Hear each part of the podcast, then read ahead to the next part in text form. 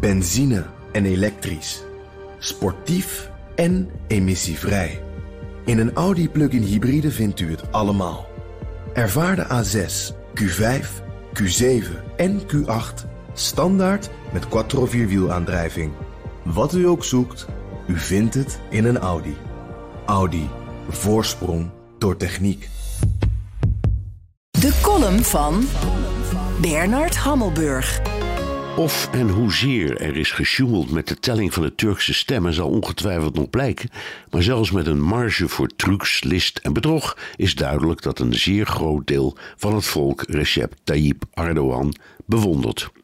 Misschien zijn argumenten als de belabberde economie, de verantwoordelijkheid voor de gevolgen van de aardbeving, de klopjacht op tegenstanders en het monddoodmaken van de pers geen Turkse bezwaren, maar onze westerse projectie.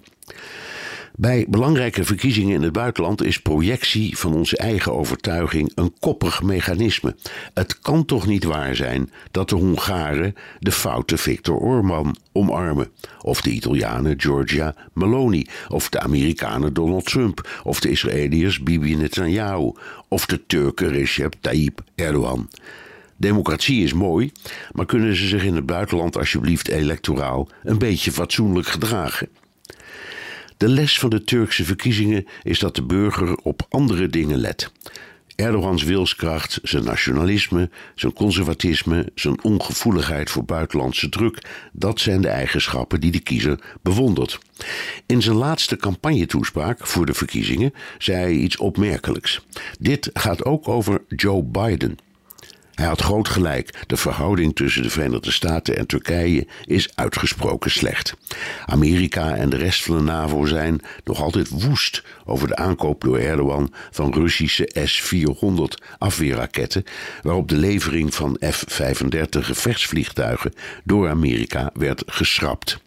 De Turkse versie Obama hield de Turken eindeloos aan het lijntje over de levering van Patriots, totdat Erdogan er genoeg van had zijn middelvinger opstak naar de Amerikanen en Russische S-400's kocht.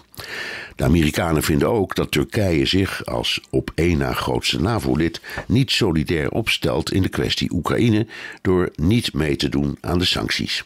De rol van neutrale bemiddelaar vindt de regering Biden opportunistisch en kwalijk omdat de Russische internationale handel via Turkije gewoon doorloopt.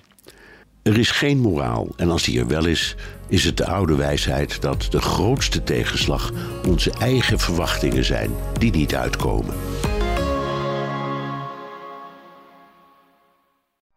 Benzine en elektrisch. Sportief en emissievrij.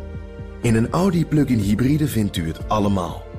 Ervaar de A6, Q5, Q7 en Q8 standaard met quattro vierwielaandrijving.